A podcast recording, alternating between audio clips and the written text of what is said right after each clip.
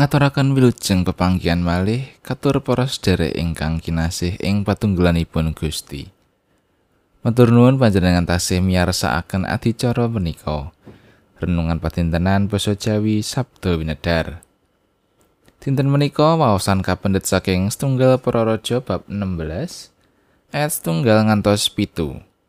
Kita badhe ngegilut cariyosipun raja-raja Israel kala semanten. Monggo kita ndedonga langkung rumiyin. Duh Gusti Allah kawula, Gusti ning para tumitah, kawula sowan marek ing ngarsa paduka emek dalem menika. Nyaosaken pamuji syukur.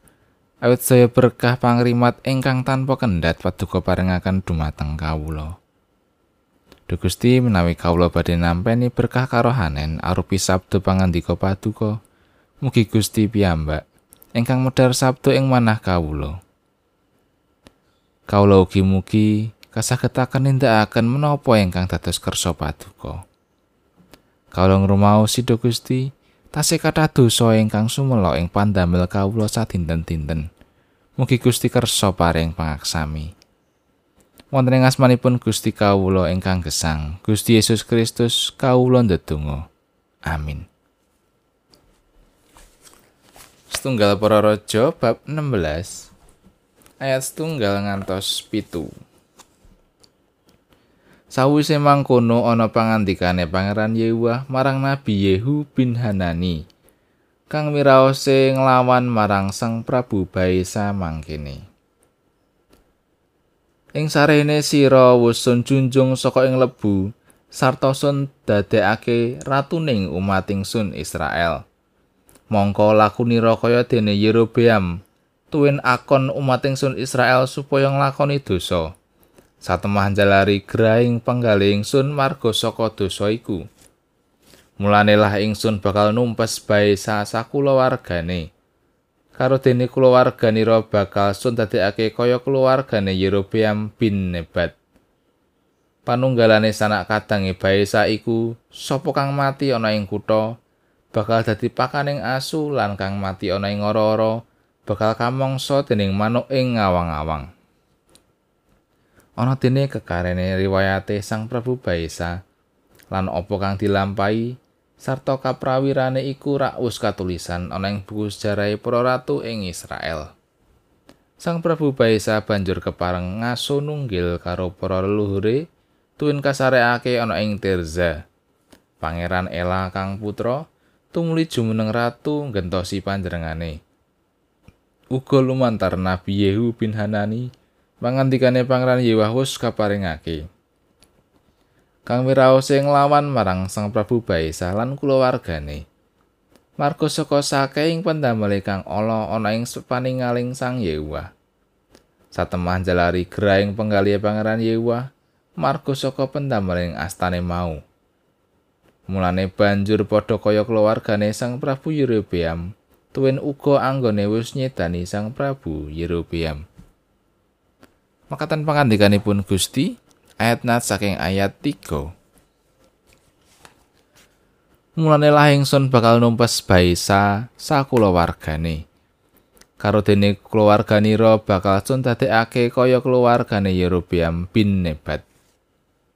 Renungan kaparingan jejer tumpes Setunggal para raja bab 16 menika nyariosaken ngengingi gangsal ratu ing Israel. Wiwit saking Baisa, Ela, Zimri, Omri ngantos Ahab. Menawi kita gatosaken, saben gantosipun pemerintahan raja tansah kebak intrik politik, pengkhianatan dalah kudeta. Dipunwiwiti dening Baisa ingkang jumeneng ratu awit nggulingaken pemerintahanipun Nadab saha tumpes tedhak turunipun Yerobeam. Kanyata bilih pemerintahanipun Baisa menika mboten langkung sae tinimbang pemerintahanipun Nadab. Piyambakipun nglampahi ingkang awan ing ngersanipun Gusti lan gesang miturut tumindakipun Yerobeam ingkang nglampahi dosa. Lan awit dosanipun tetusaken tiang Israel dumawah ing dosa. Gusti Allah ngutus Nabi Yehu bin Hanani kangge ngengetaken lan ngendikaaken bab paukumanipun Baisa dalah keluarganipun. Sadangunipun sekawan likur tahun baisan nindakaken pemerintahanipun ingkang selajengipun dipun gantos dening Pangeran Ela ingkang sami awonipun kalian Kang Rama. Lan ing selajengipun ugi pemerintahanipun Ela boten dangu saking carosipun Baisa Ratu Israel sumangga kita sinau tansah tumindak minangka muridipun Sang Kristus ingkang tansah kaanyaraken Sang Kristus sampun mirat dosa kita. Teman dados titah anyar. Minangka titah anyar kita tansah ngegesang Sang Kristus ing pagesangan kita. Saben ari lan kanthi yakin nilaraken gesang ingkang lami. Kita nglampahi gesang anyar kanthi tansah budidaya mujudaken katentreman lan karahayon. Tentrem rahayu menika saged kita raosaken ing salebeting sesambetan ingkang raket kalian Gusti wonten ing pandonga, pangibadah, ngatosaken sabdanipun Gusti saha ngestokaken ing pagesangan. Tentrem rahayu menika ugi kedah kita bagikaken dhateng tiang sanes. Utaminipun dhateng brayat kita.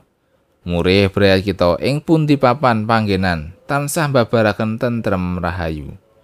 Satemat gesang kita ugi dados lestari, boten tumpes. Amin.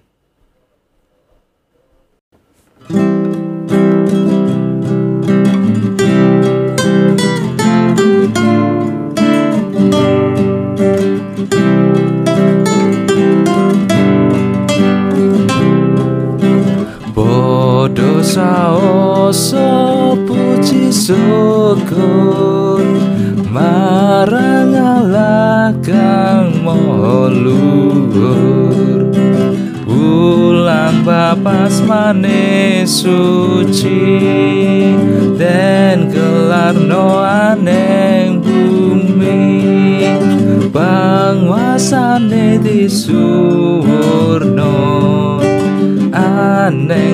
ได้พระองค์ทรง